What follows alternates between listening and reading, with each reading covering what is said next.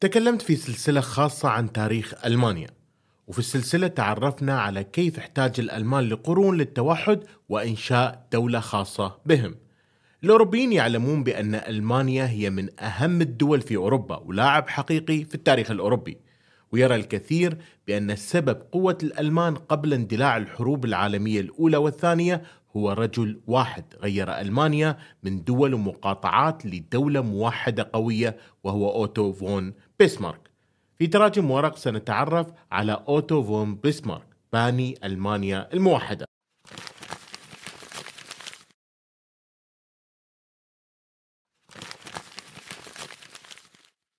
عندما ولد أوتو فون بيسمارك كانت ألمانيا مجموعة من 39 دولة ضعيفة بين القوى العظمى في فرنسا والنمسا وروسيا. بحلول الوقت الذي توفى فيه أصبحت الأمة الألمانية هي القائدة لأوروبا.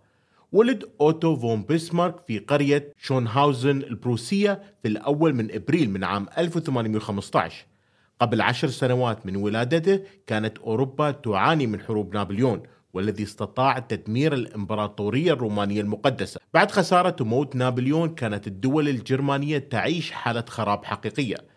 بروسيا بلد بسمارك كانت قد تعرضت للإذلال بسبب الاحتلال الفرنسي. هزم نابليون في واترلو بعد ثلاث أشهر من ولادة بسمارك لهذا كانت طفولته بعيدة عن حروب نابليون. رغم أنه حاول تصوير نفسه على أنه رجل من العامة لكن الحقيقة أنه كان من عائلة أرستقراطية نبيلة في بروسيا. والده كان من الأرستقراطيين الصغار في حين أن والدته كانت من عائلة من الطبقة المتوسطة. وفي سن السابعة قامت والدته بإرساله لمدرسة في العاصمة البروسية برلين. هذه التجربة قال عنها أوتو بأنها كانت سيئة بل قيل بأنه كان يكره النساء القويات لأنهم يذكرونه بوالدته التي أصرت على إرساله لبرلين.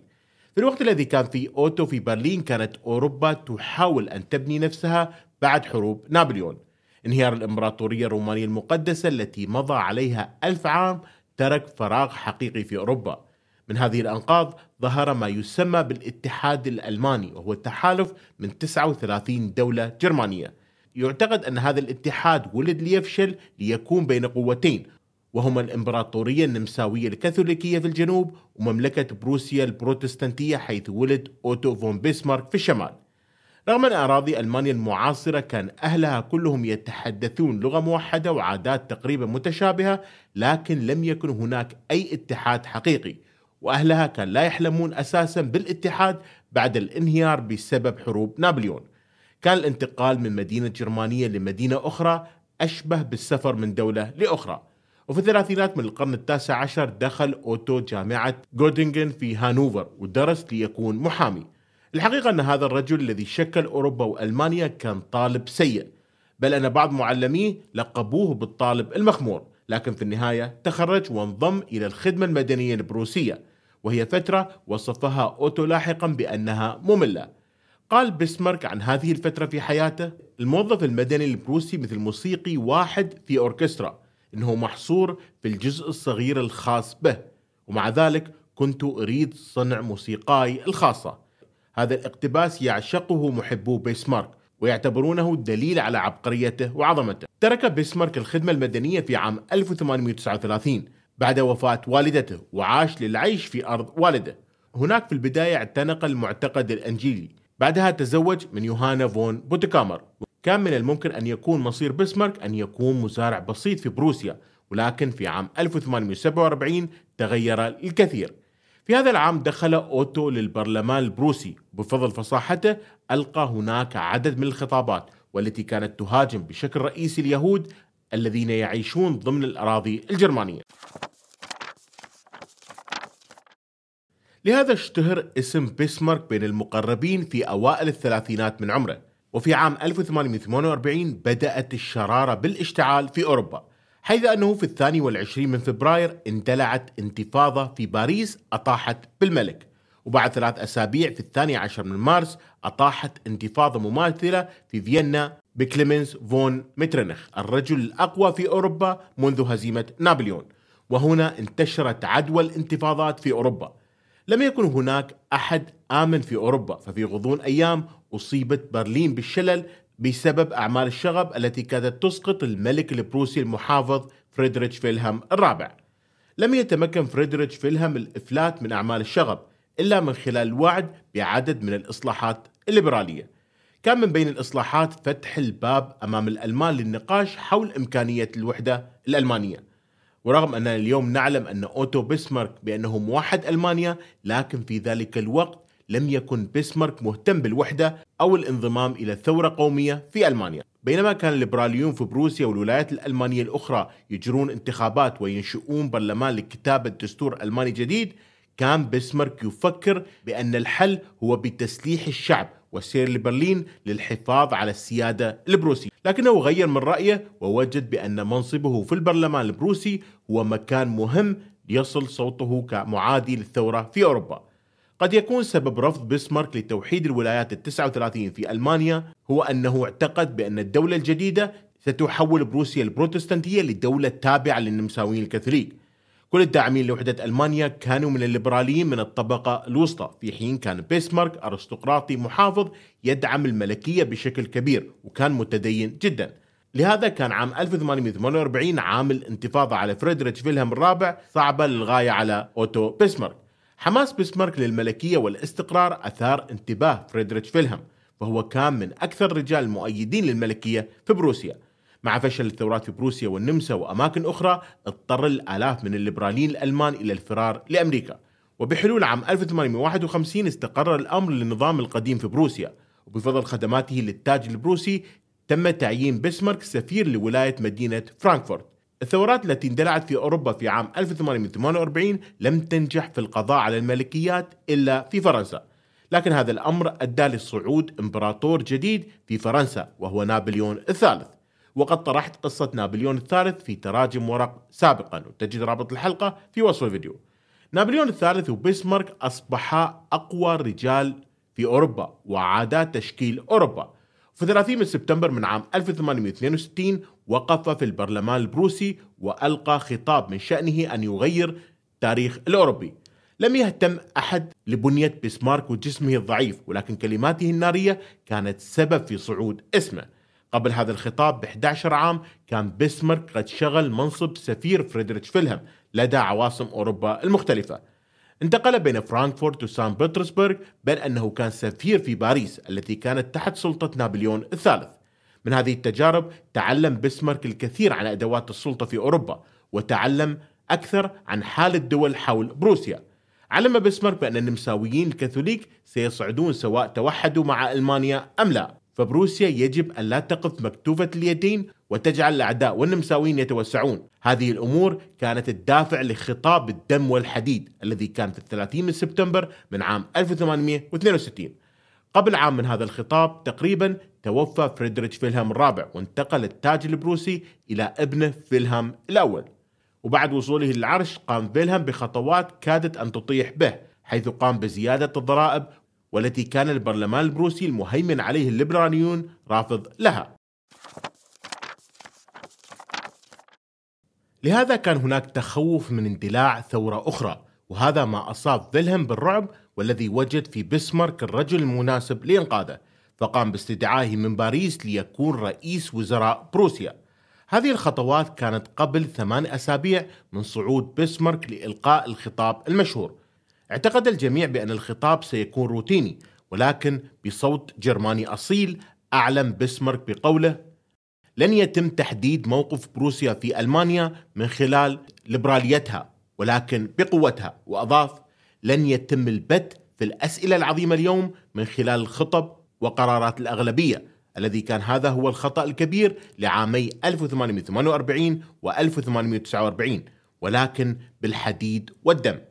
كانت هذه المرة الأولى التي يذكر فيها بسمارك بصراحة ثورة عام 1848 حاول البرلمان تخفيف الضغط وإيجاد توافق في الآراء ولكن ما حدث هو فوضى.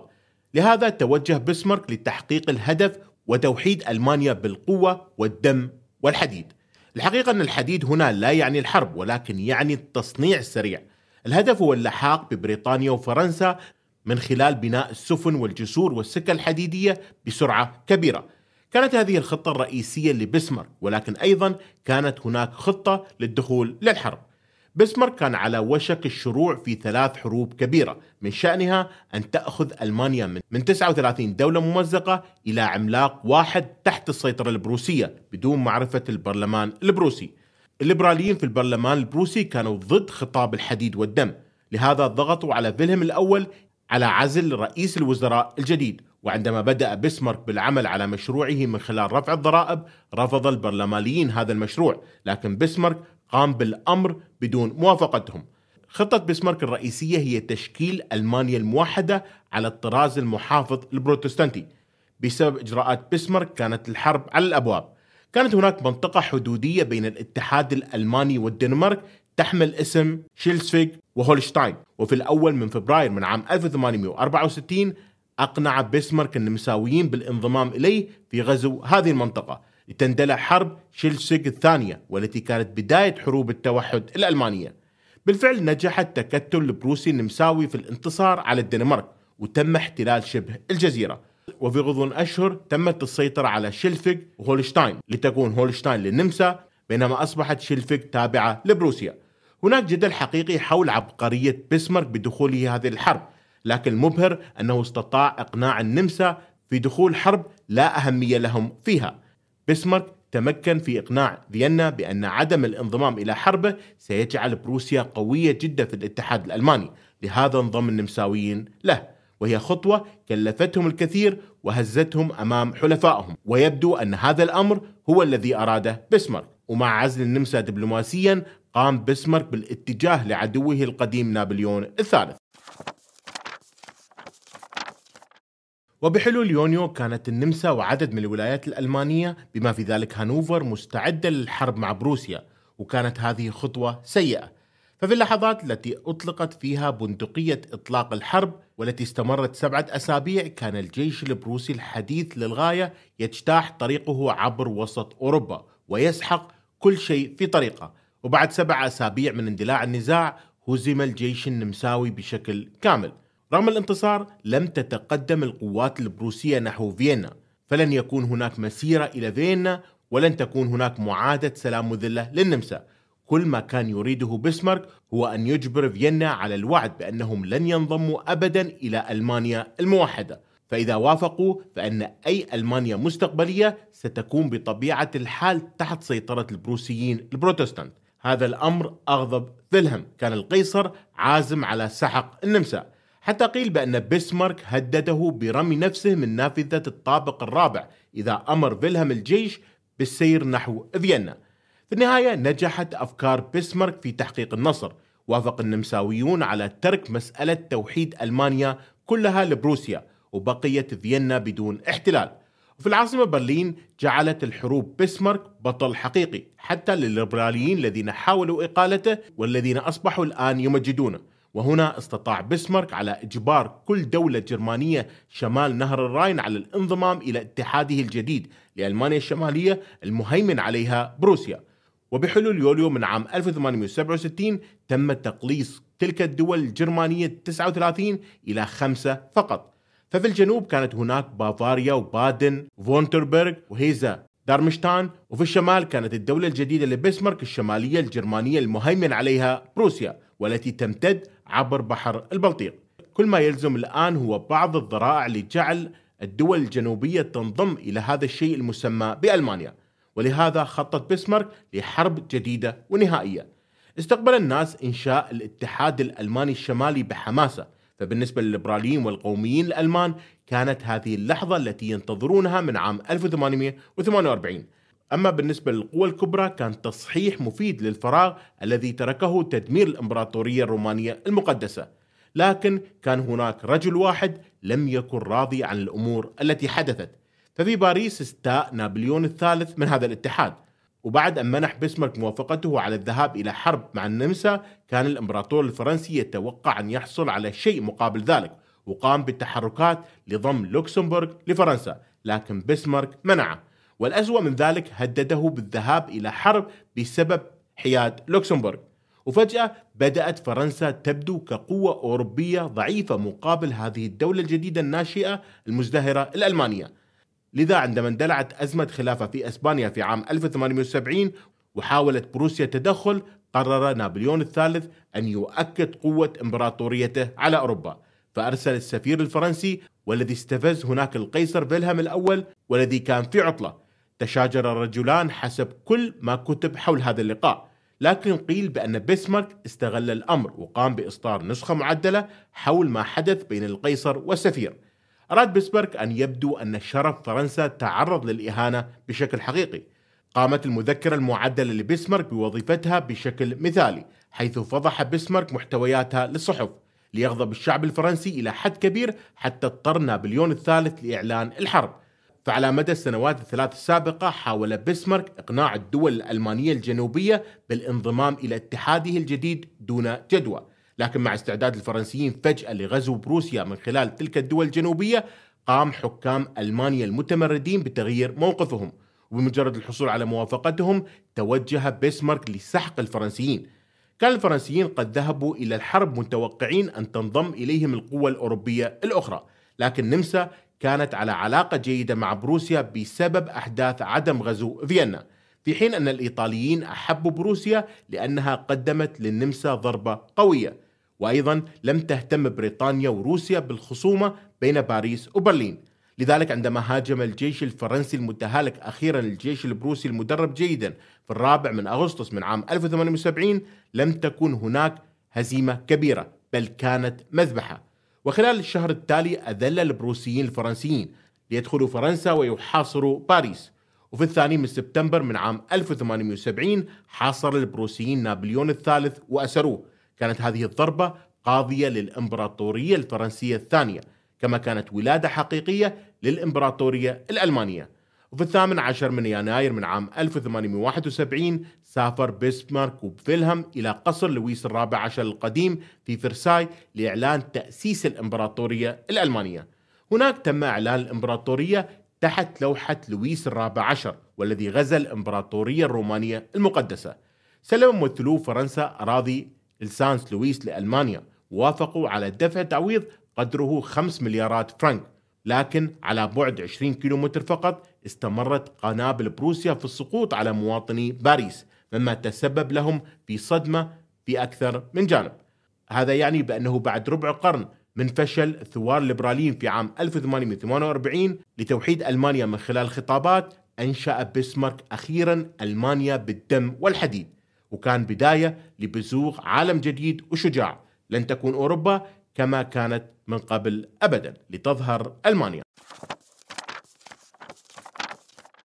إذا كانت سنوات 1860 فترة حرب لبسمارك فإن السنوات بين 1870 و 1880 كانت فترة سلام. له كان هناك قلق من القوى العظمى الأخرى في العالم من تصرفات العملاق الجديد. لكن على عكس فيلهم الثاني أو هتلر أو حتى نابليون كان بسمارك يؤمن بضبط النفس. بعد انتهاء الحرب الفرنسية البروسية توقف التوسع الألماني وحول اهتمامه إلى الأمن الداخلي. كان بسمارك يعرف مدى هشاشة إمبراطوريته الجديدة. فالوقت قد حان بعد الحرب لأن يحكم بصفته رئيس وزراء بروسيا ومستشار ألمانيا الجديدة.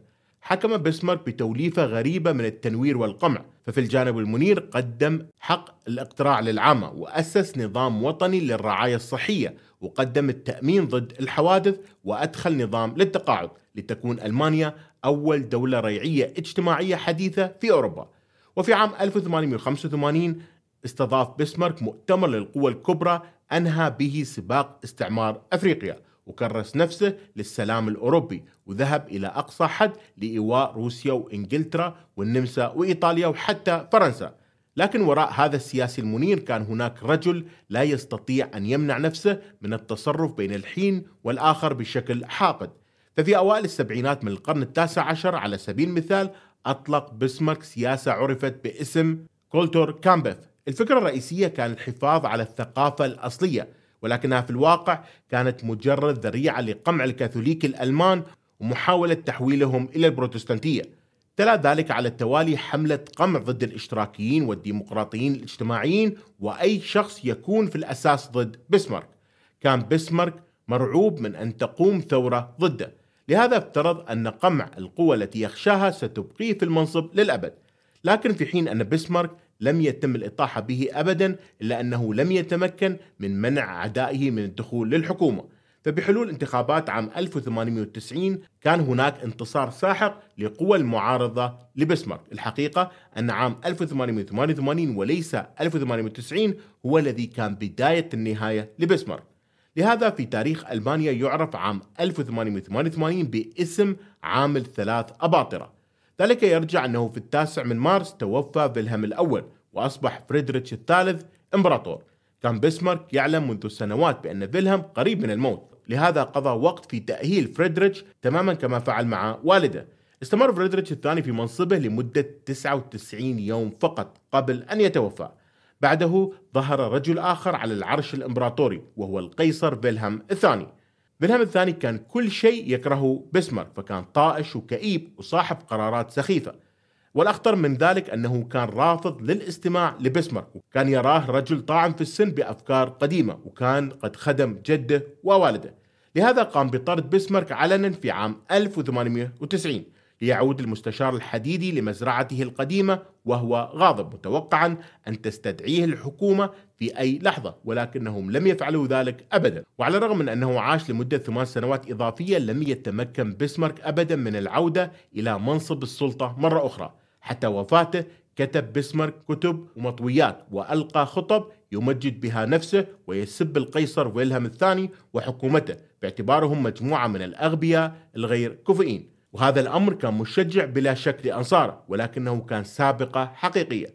الحقيقة أن أفكار بسمارك استمرت بالتداول والتأثير على أهم السياسيين في ألمانيا حتى بعد وفاته بل أن هذه الأفكار استمرت حتى منتصف القرن العشرين ومؤثرة على رجل آخر يدعى أدولف هتلر. في حياة بسمارك قام بإنشاء نظام معقد من التحالفات والصداقات لضمان عدم محاولة أي قوة أخرى مهاجمة ألمانيا. لكنه كان نظام معقد لدرجة أنه لم يتمكن أحد من فهمه أبدا. لهذا كان رحيل بسمك تمهيد لاندلاع الحرب العالمية الأولى. وفي 30 من يوليو من عام 1898 توفى بسمارك في لحظاته الأخيرة عبر عن ندمه على أنه لم يكن أكثر لطفا مع كلبه وقال بأنه مستعد لمقابلة زوجته يوهانا مرة أخرى. توفى بسمارك بعمر 83 عام. اليوم يعتبر بسمارك من أهم الشخصيات في التاريخ الأوروبي والألماني فقد نجح في أخذ مجموعة من الدول الأوروبية المتباينة وتحويلها لكيان واحد موحد. وحتى بعد الحربين العالميتين الأولى والثانية لم يفكر أحد بجدية في تقسيم ألمانيا بشكل كبير مرة أخرى حتى أن إنشاء ألمانيا الشرقية الشيوعية انتهى بتوحيد الألمانيتين في عام 1990 ألمانيا الحديثة قد تكون أصغر مما كانت عليه في أيام بسمارك لكن وجودها المستمر الآن هو حقيقة على نجاح كيان بسمارك. اليوم يرى البعض أنه لو لم يظهر بسمارك لكان العالم اليوم بشكل مختلف ولكانت برلين مدينة نائية لا قوة لها. لكن أيضا يرى الآخرون بأنه إذا لم يكن بسمارك موجود لما اندلعت الحروب العالمية ولا ظهر هتلر. عموما هذا المستشار لا يستطيع أحد أن ينكر من أنه من أعظم الشخصيات السياسية في التاريخ وبأنه حتى اليوم بعد أكثر من 120 عام من وفاته لا يزال هناك تأثير فعلي لما قام به. شاركنا في التعليقات حول رأيك في هذه الحلقة وإذا عجبك محتوانا ادعمنا من خلال الاشتراك وتجد في الوصف رابط لقناة شيء والمتخصصة بالتقنية والبودكاست وركاست ممكن تشوف فيديوهات أخرى من قناتنا والتي تطرح مواضيع حول التاريخ والثقافة